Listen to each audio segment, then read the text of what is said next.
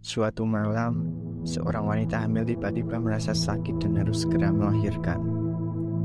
Dia dan suaminya bergegas ke rumah sakit terdekat, tetapi sayangnya mereka tidak bisa sampai ke sana tepat waktu.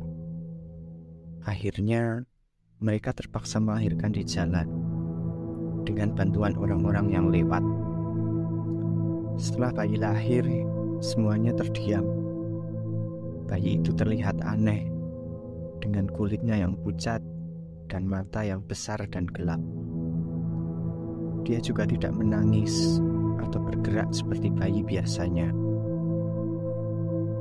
Dokter yang tiba akhirnya mengambil bayi itu dan membawanya ke rumah sakit, di mana ia diberikan perawatan khusus.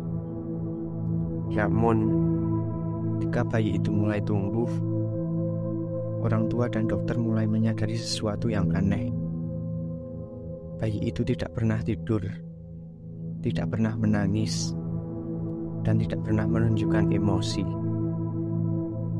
Dia juga memiliki kekuatan yang luar biasa, seperti bisa mengangkat benda yang sangat berat dengan mudah.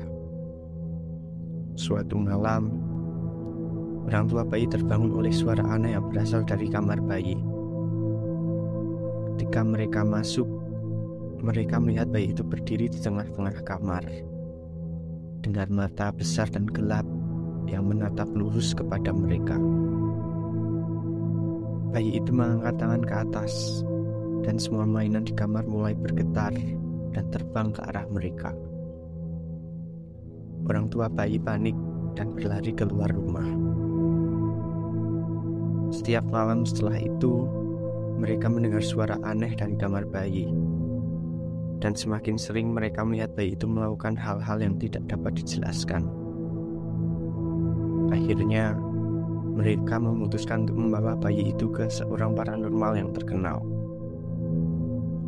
Setelah melakukan sejumlah ritual dan pemeriksaan, paranormal tersebut memberitahu orang tua bayi bahwa bayi itu bukanlah manusia,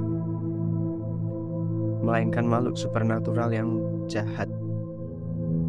Mereka diberitahu bahwa satu-satunya cara untuk mengalahkan bayi itu adalah dengan memberinya makanan tertentu setiap malam yang harus dipersiapkan dengan hati-hati.